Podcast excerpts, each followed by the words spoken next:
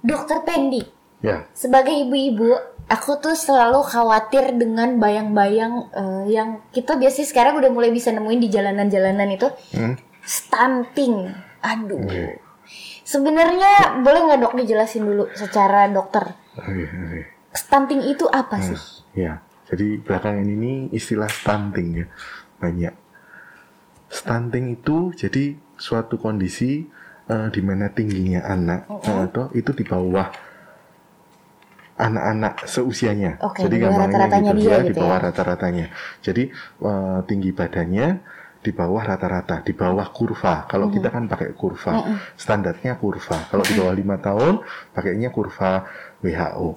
Nah, di bawah itu kita nyebutnya stunting. Oke. Tapi yang disebabkan disebabkan oleh kurangnya asupan gizi.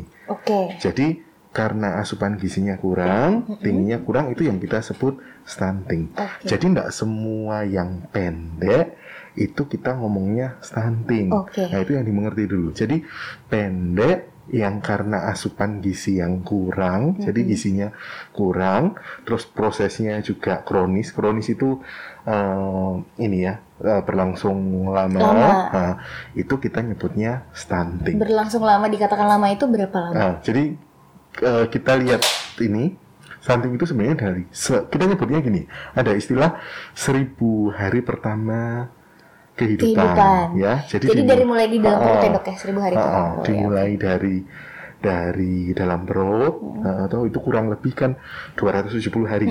Terus sampai usia 2 tahun, 365 365. Jadi totalnya Iya kurang seribu lebih hari. 1000. Kita nyebutnya 1000 hari Pertama. pertama kehidupan ya Oke. itu jadi masalahnya dari mulai dalam kandungan Mhm. Dan Ya. sekarang pemerintah gitu juga udah mulai mengedukasi masyarakat soal stunting ini kan berarti stunting itu berbahaya, benar kan dok? Mm-mm. ya Bahaya stunting itu apa? ya yang ditakutkan gini Mbak Adi untuk ke depannya ya jadi enggak cuman ngomong pendek aja ya kalau otomatis pendek berat badannya kurang gizinya kurang lah yang ditakutkan itu ke arah perkembangannya Oke. ya jadi perkembangan si anak ke depannya juga pasti akan mengganggu ini kognitifnya nah, nanti prestasinya di sekolah otomatis kalau itu terganggu masa depan anaknya sendiri juga Oke. pasti kan akan terganggu jadi, Jadi- bukan cuman murni masalah dia Gizi pendek aja, gizinya, aja. tapi perkembangannya juga Oke. kognitifnya juga Oke. juga pasti akan terganggu lah itu yang di ditakutkan. Oke. Jadi eh, benar hati-hati ini kalau masalah berat badan enggak cuma kalau dulu kan ah enggak apa-apa berat badannya kurang yang penting anaknya Aktif, sehat oh, gitu ya penting anaknya aktif, Ah, oh. ah, penting boleh anaknya karena pintar gitu ah, ya. karena pasti akan berpengaruh di kognitifnya Oh, gitu. juga gitu. Jadi gini dok, kalau misalnya si anaknya memang pendek gitu ya, anggap aja anak ini pendek, tapi perkembangannya sesuai sama misalnya eh, anak ini sudah bisa bicara di usia segini, anak ini sudah bisa sesuai dengan usianya atau bahkan duluin gitu, itu pa- udah pasti nggak stunting atau masih ada kemungkinan stunting meskipun perkembangannya tepat. Masih masih bisa. Jadi Masih bisa, ya? kita harus lihat dulu. Nah, itu gunanya kita harus rutin untuk plot berat Dan badan, ya, panjang badannya, lingkar kepala juga, ya kita plot, kita lihat berat badannya anak ini sesuai kurvanya atau enggak, Oke. ya. Nanti kalau lebih jelasnya biasanya waktu imunisasi tadi. Imunisasi kan sekaligus dilihat Dicek berat perkembangannya. badan ya. Nanti kan dijelaskan. Jangan salah ya. Kalau yang perempuan warnanya Pink. pink, kalau yang laki-laki warnanya, Warnanya biru, biru, betul. ya. Eh, dilihat per grafiknya ini perjalanannya gimana. Ada tiap bulannya namanya kenaikan berat badan minimal, Minimal.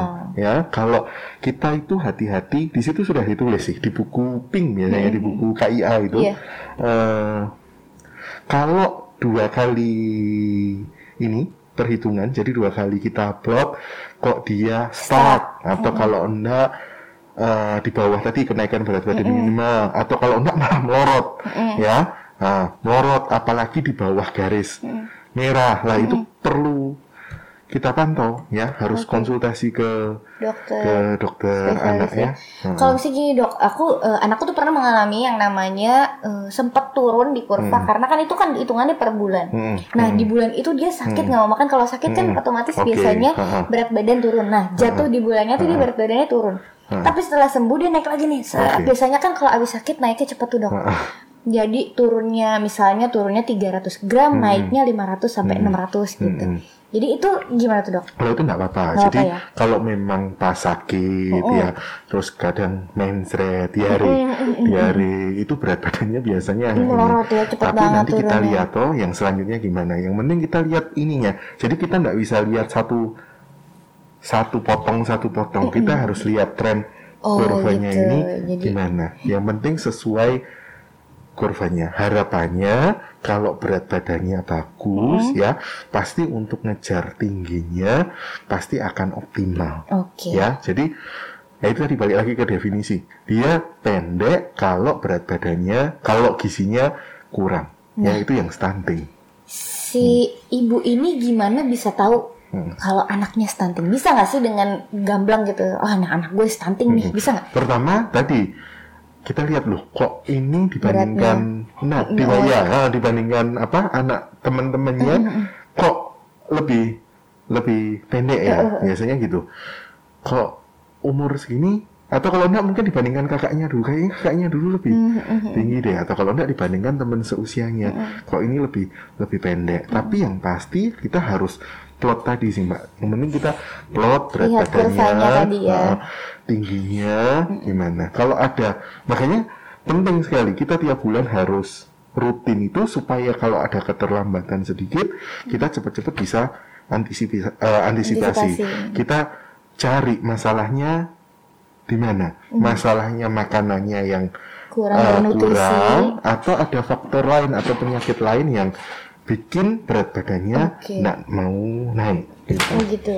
Terus bagaimana nih berarti kita eh, sebagai orang tua mengantisipasi jangan sampai terjadi stunting sama si anakku? Hmm. Nah, Gimana tuh caranya? balik lagi persiapan dari tadi kan prosesnya dari eh, dalam kandungan. Oke, seribu hari pertama Jadi itu. eh, harus diperhatikan waktu dalam kandungannya. Pasti kan antinatalnya gimana? Eh, rutin. Biasanya kan dikasih kalau dari dokter kandungannya itu ada Vitamin, asam hmm, folat, asam ya, folat, zat besi itu itu dilihat. Hmm. Nanti setelah itu dilihat dijaga ada infeksi atau enggak. Terus nanti mulai persalinannya. Mm-mm. Setelah itu melahirkan.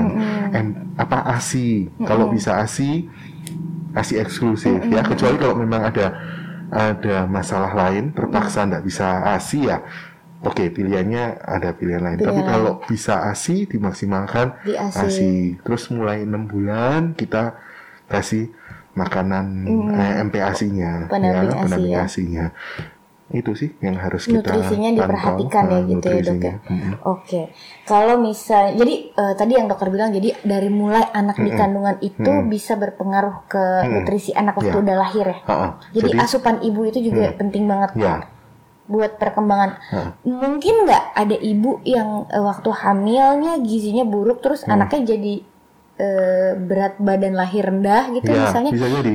Kalau Jadi- misalnya anak dengan berat badan lahir ren- rendah ini Hmm. lebih bisa gampang stunting atau gimana? eh ini jadi benar kalau misal gizinya ibu kurang Mm-mm. ya atau tadi vitaminnya enggak Tidak tercukupi gitu ya. itu pasti akan ada masalah buat si bayi Mm-mm. mungkin bayinya di dalam enggak berkembang dengan dengan baik Eh, terus gitu, kalau bahkan ada dia ya. ini bisa defek mungkin sampai minta maaf ya ada bibir Mm. kalau kurang asam folat itu itu pengaruh sekali Hmm, dari oke. dalam bayi. Nah itu juga pasti mempengaruhi ke depannya. Kalau lahir berat badannya kecil Mm-mm. juga pasti terus kan susah Naiknya juga nggak jadi susah ya perlu dok ya. Perlu ekstra ini Oh, perhatiannya. Gitu. Jadi gitu ya anak Hmm. dengan eh, berat badan Tetep. lahir yang rendah Hmm. itu juga Mm-mm. Pokoknya dari dari eh, ibu Hmm. hamil itu sudah harus di diperhatikan ya Oke. nutrisinya. Eh, kalau misalnya cacingan dok kan kadang-kadang ada yang bilang nih orang-orang tua apalagi ya kalau misalnya ah, eh, anak nih berarti nggak naik nih padahal makannya banyak nih cacingan kali nih itu benar Ya, nggak sih dok? Bisa bisa jadi ya. Bisa jadi Mungkin ya. Kita harus pantau. Makanya kita lihat eh, pertama tadi tadi dibilang biasanya, duh makannya sudah banyak. Kita lihat dulu, bener enggak ini makannya Banyak. banyak bagus enggak sebenarnya kita lihat porsinya juga variasinya Oke. gimana enggak cuman asal banyak. Tetapi ya kebutuhan nutrisinya gimana? Sesuai atau enggak itu dulu Empat dilihat. kuadran itu ya, ya. ah, kalau MPASI itu ya jadi eh, semua faktornya harus harus lengkap. Dilihat dulu benar enggak? Kita lihat dulu itu benar atau enggak. Oke. karena cuma ngomong sudah kok bagus bisa masuk tapi ternyata nutrisinya kurang. Setelah dia nonton kurang. Nah Oke, itu oke, harus benar dulu dilihat dulu. Kalau ternyata benar bagus eh nggak ada masalah di situ loh ternyata kok berat badannya masih nggak mau naik lah kita baru pikirkan ada apa ya yang lain ada sakit yang lain atau enggak tadi Oke. misal oke eh, tapi biasanya kalau cacingan sudah lebih besar ya agak besar biasanya sudah mulai besar Udah mulai Eh, eh, tangannya ya, masukin mulut ah, apa-apa ah, gitu ya, dok. gitu. Biasanya cacingan Itu ya. bisa atau mungkin ada penyakit-penyakit yang lain atau enggak Oke. gitu. Nah, ini kan kayaknya ada penyakit beberapa penyakit yang populer gitu dan Hmm. dianggap eh, biasanya jadi penyebab stunting. Oke, oke. Itu ada penyakit apa aja sih dok biasanya yang bisa bikin biasanya yang berat paling badan? sering ya yang kita dapat di lapangan datang itu keluarnya kan untuk berat badannya nggak mau naik ya biasanya kita lacak eh, ini salah satu yang sering juga itu TB paru TB paru. ya jadi orang nyebutnya flek paru Oke. tuberkulosis Oke. nah itu keluhannya kalau di dewasa batuk ya kalau TB itu biasanya Batuk, batuk-batuk ada Tapi kayak kalau- cairan ah, merasa gitu ya dok. kalau anak Aku waktu kecil pernah juga tuh. Iya pernah dulu waktu waktu SD. Hmm, Pernah bukan TB paru deh apa sih itu namanya bronkitis beda ya dok? Oh iya beda Itu beda beda, ya, ya. beda, beda. Ini jadi eh, anak tuh enggak enggak naik naik ya. Naik-naik, Padahal eh. tadi setelah dievaluasi makanya oke kok enggak ada masalah. Nah di kita cari oh kok di keluarganya mungkin biasanya eh, kakeknya atau neneknya ada yang batuk-batuk. Nah kita lacak ada Oke. ke arah TB atau enggak. Oh ternyata bener. Oh ternyata ada TB. Ya, Jadi kita sebenarnya juga atasin. gejalanya tidak terlihat gamblang mungkin ya di Ah, si ah, anaknya ya dok. ah, ah, ah. Jadi kita Nah, aku atasin. batuk-batuk kok gitu misalnya. Ya, Bisa malah terjadi. biasanya jarang-jarang datang, jarang-jarang Oh, batuk ya. gitu. Kalau anak biasanya malah jarang jarang batuk. Nah, kalau ada penyakit itu tadi misal ini tadi TB ya, ya penyakitnya harus harus diatasi dulu. Kalau enggak makanya gimana pun, tapi kalau ada penyakit yang mendasari, ya berat badannya akan susah buat Oke. buat naik. Terus Jadi kita paru ini harus biasanya cari di TB paru ini dari virus ya dok ya?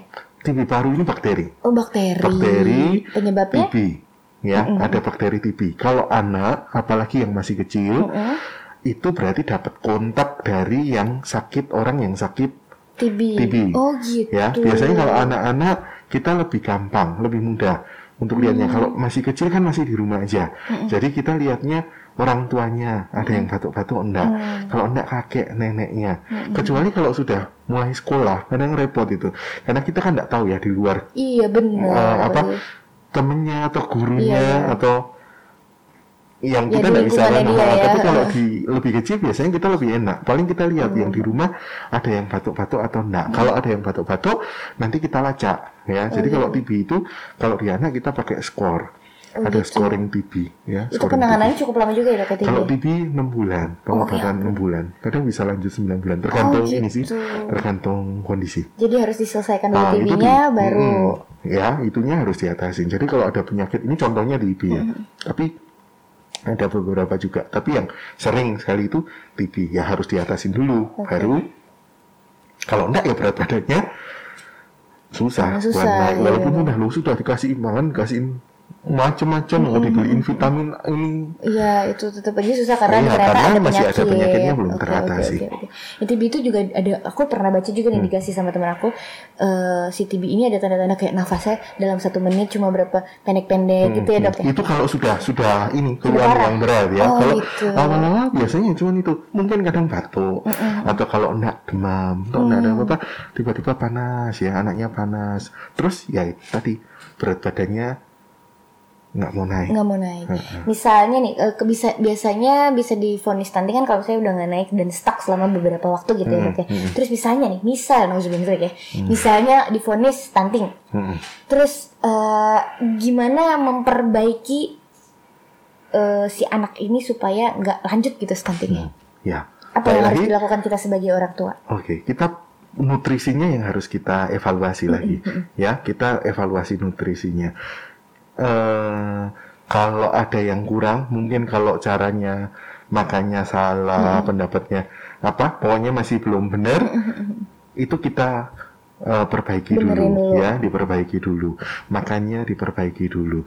Harapannya kalau pola makannya bagus, dia makannya bagus, nutrisinya baik, berat badannya ya kalau nggak ada faktor lain loh ya, kecuali tadi makanya kita lihat juga eh, ada faktor faktor lain nggak yang bikin eh, ada penyakit, maksudnya penyakit lain yang bikin berat badannya nggak mau naik. nggak. serat ya. Kalau enggak, cuman dia faktor dari makanan, ya kita perbaikin eh, makanannya. Makanannya, oke. Kadang perlu edukasi. Ya, masalahnya apa toh?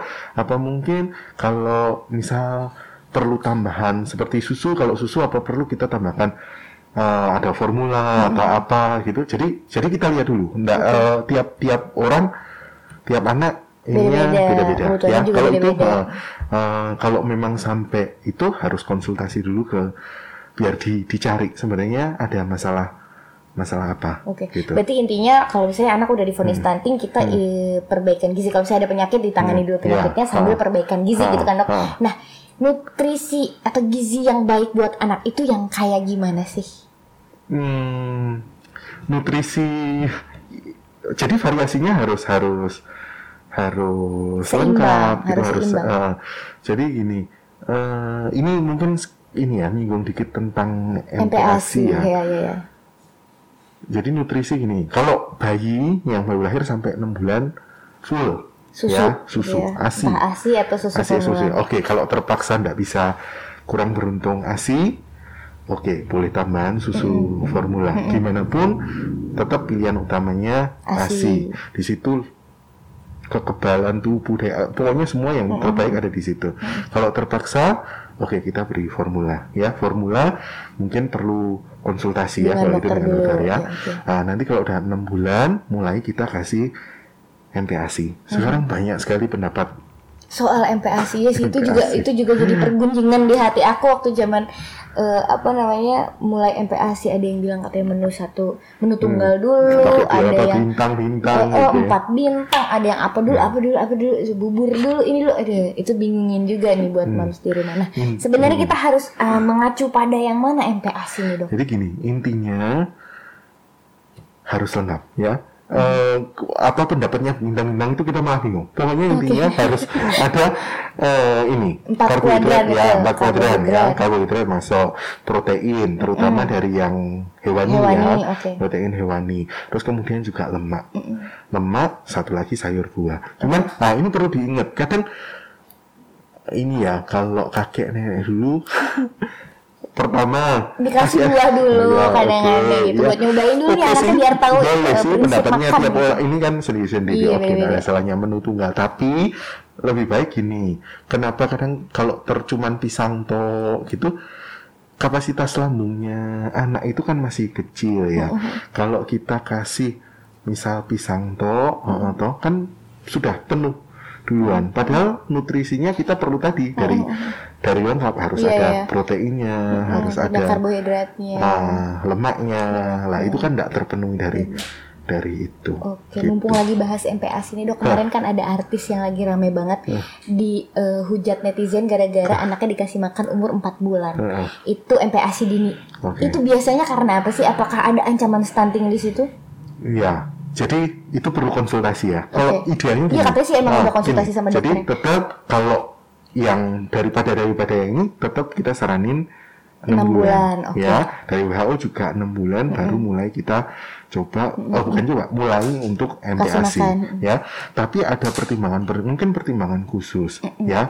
Kenapa dari empat bulan atau kadang lima bulan kita sudah mulai kasih MPASI apa mungkin berat badannya yang Kurang. kurang? Atau itu pasti ada pertimbangan Oke. pertimbangan-pertimbangan khusus. Tapi secara general atau lebih baik dari WHO juga dari Ikatan bulan. Dokter Anak Indonesia Enam bulan. enam bulan Kecuali kalau emang ada ya kebutuhan khusus itu gitu, ya. perlu konsultasi ke dokter anaknya. Oke. Ya. Tadi kan eh, protein kalau bisa dari hewani. Hmm. Bagaimana kalau misalnya ada beberapa temanku juga yang eh, orang tuanya vegan, Hmm. tidak makan daging, tidak makan telur, tidak minum susu kecuali ASI ya si Hmm. anaknya itu. Hmm. Hmm. Itu anaknya juga dibikin vegan juga tuh dok. Hmm. Itu ada gak sih eh, makanan-makanan vegan yang bisa mencukupi kebutuhan empat keluarga ini? Karena yang aku lihat dok, Iya.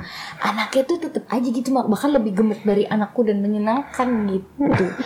itu yang aku bingung sih agak bingung gimana tuh dok anak Ya, vegan. jadi kalau di anak ya sebenarnya tetap kita sarankan ini tadi ya proteinnya Tetap tetap, ada yang dari hewani Oke. karena ada beberapa yang di nabati itu juga enggak enggak bisa maksimal. Oke. seperti misal zat besi ya. Zat besi itu lebih banyak dari protein yang yang hewani gitu. Jadi uh, tetap kalau ya monggo ya itu ininya Pilihan, pilihannya sendiri-sendiri tapi Ya mungkin porsinya kali dok dia bikin ya, banyak banget kali ya. Oh ini sayuran ini zat besinya banyak Tapi misalnya tetap- bayam itu Hmm, zat besi ya, banyak kan dok. besi. Mungkin dibikin banyak bayam gitu kali. tapi tetap kalau kita sarankan tetap protein Dari hewaninya ya. masuk Karena butuh-butuh itu Ya, juga sebenarnya oh. si anak ya. Oh. Oke. Terus nih dok, ada lagi Hmm.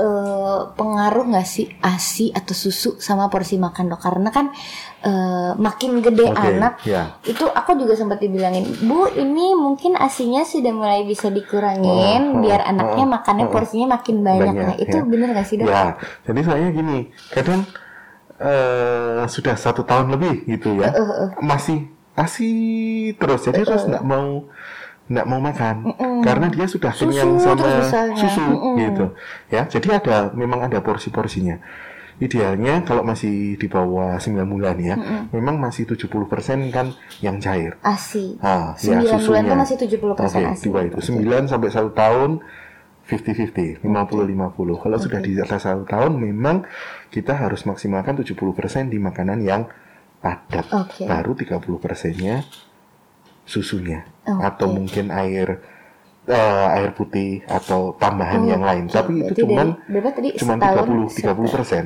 Setahun sampai 2 tahun itu ya? Oh, jadi setahun ke atas. 70, tahun ke atas 70, itu terus 30. semakin bertambah usia semakin padatnya kan pasti lebih banyak. Oh gitu. Ya, jadi kenapa? Karena kalau kebanyakan kapasitas lambungnya itu kan masih terbatas.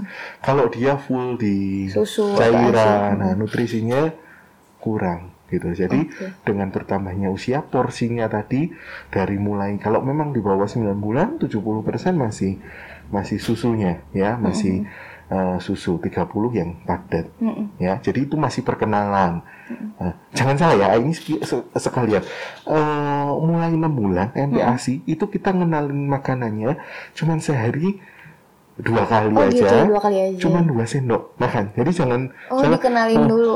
Oh nggak mau makan dikirain makanannya sudah banyak padahal butuhnya cuman itu tadi Oh, dari gitu. dimulai dari dua, Dua sendok, sendok. makan Dua sendok Ya, makannya sehari, kita dewasa. du- pagi sore gitu ya sehari Oke. dua kali sisanya masih asinya lagi Karena susunya. masih kecil ya, ya. ah, jadi itu masih pengenalan gitu Oke, Nah, itu nanti selama berapa lama? Satu bertambah. bulan. Ah, nanti itu tiap anak beda-beda ya. Oh, gitu. Kita tambah, tiap tambah, tiap oke, kita tambah.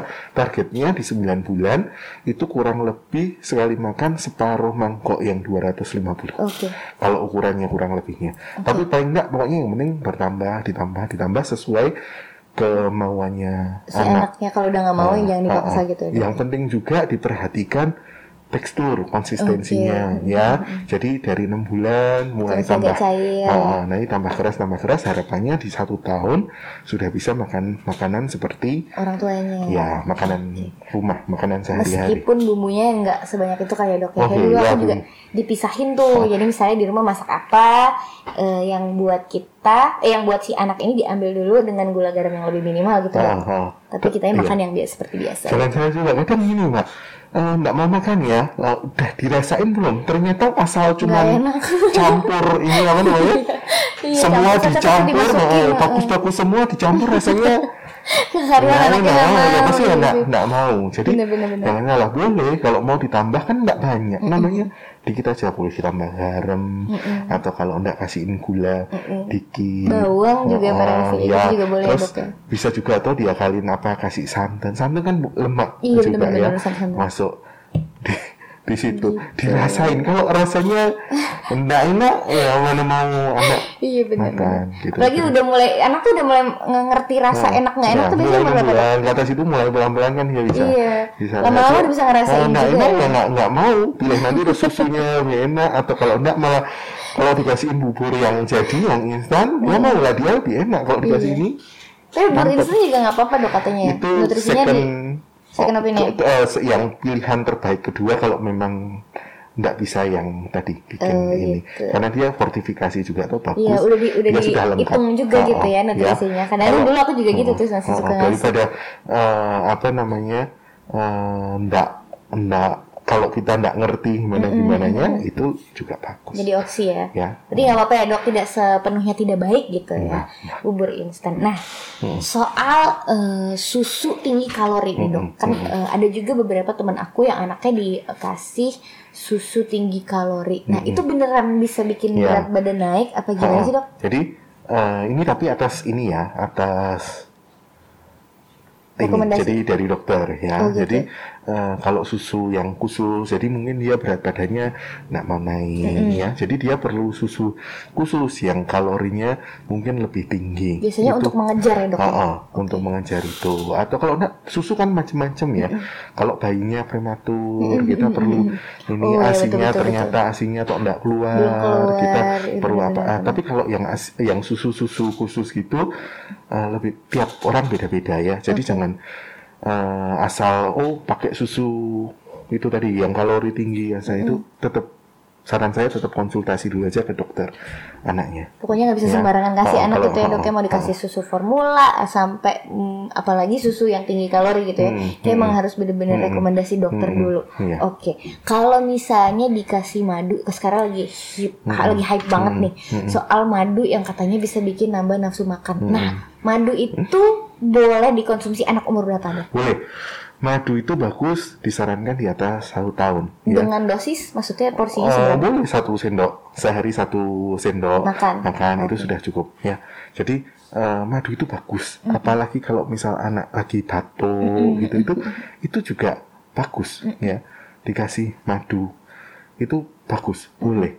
Tapi di atas satu tahun ya. Kita tidak saranin kalau di bawah satu tahun ya. Kenapa itu? Gini, it- karena dari penelitiannya eh, kita takut ke ada yang namanya ini eh, botulisme. Jadi ke- ada madu itu ada yang tercemar spora dari bakteri Gitu. Clostridium botulinum itu yang harus bikin eh, botulisme namanya ke anak. Jadi anaknya jadi terus lemes, jadi Oh, gitu. eh, macam-macam itu, jadi itu eh, lebih baik, makanya lebih baik Jadi di atas satu tahun, di atas ya, satu tahun karena atas mungkin lebih siap sat- gitu ya. Satu tahun, ya. Oke. Nah, di atas satu Dan madunya juga harus madu yang murni ya, Ya, nah, susahnya itu, susahnya Itu cari kan. madu yang yang bagus. Jangan Karena- sampai madunya ternyata cuman gulanya toh Nah, yang itu dia dok yang kadang kita Nah, harus milih juga kayak yang di pasaran banyak juga yang udah dicampur sama gula, yang iya. eh, ada rasa-rasanya gitu kan kayaknya juga oh, ternyata kandungan gulanya yang tinggi. Bukannya tadi batuk, Iya, iya. harapannya buat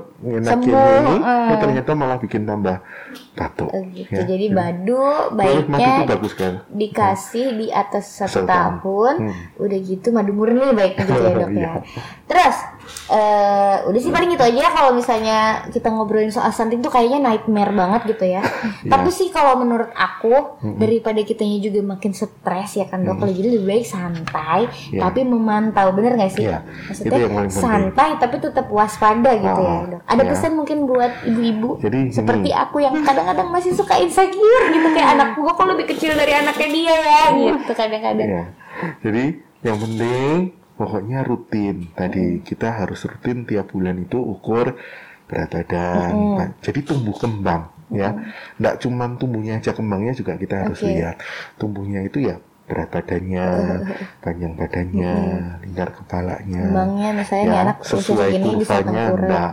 Kalau ada masalah atau eh, jadi tadi bisa start atau kalau enggak melorot atau di bawah kenaikan Rata-rata. berat badan minimal ya ya secepatnya. Konsultasi kan. konsultasi ya. Selain tumbuhnya kembangnya juga harus kita lihat. Oh umur segini itu harusnya sudah bisa ini. Umur berapa ya? Enam bulan. Harusnya sudah harusnya boleh duduk. duduk. Nah kalau untuk ini masih baru belum bisa ngangkat kepala aja masih belum belum kuat. Nah berarti kan ada Ada ada sesuatu ya. Oke. Jadi sedini mungkin kita bisa mengetahui ada keterlambatan, pasti hasil ke depannya akan lebih lebih baik. Oke. Ya. Terus itu juga sih kadang-kadang tuh eh, orang tua aku kalau nggak siapa gitu kalau misalnya, ya anaknya jangan ditimbang mulu ntar stres lu gitu. Iya. Kalau gitu ternyata jangan gitu juga ya, tetap harus kalau- ditimbang. kalau ditimbang tiap hari juga malah bikin stres itu itu tadi. aku sih kayaknya ditimbang tiap hari Enggak, apalagi kalau anak kalau anak sakit tuh dok Iya. kan aku langsung aduh langsung lihat timbangan udah nggak bisa jauh-jauh dari timbangan kayak eh ditaruh timbangan aduh turun lagi eh, 200 gram besok aduh turun lagi 300 gram aduh gimana nih akhirnya Kalau sakit nggak usah ditimbang. Oh, gitu ya? oh, udah pasti stres ya dok ya oh, gitu ya Jadi nanti kan dilihat tuh ke depannya ya kita nggak bisa tiap hari terus ditimbang. Kalau pasti sakit kadang ya pasti Drop. turun ya, tapi nanti kan ya naik lagi. naik lagi ya benar sih dok terima kasih dokter Hmm. Pendi aku sangat lega nih ngebahas soal stunting sama dokter Pendi sampai jumpa di lain kesempatan Ya, terima kasih banyak.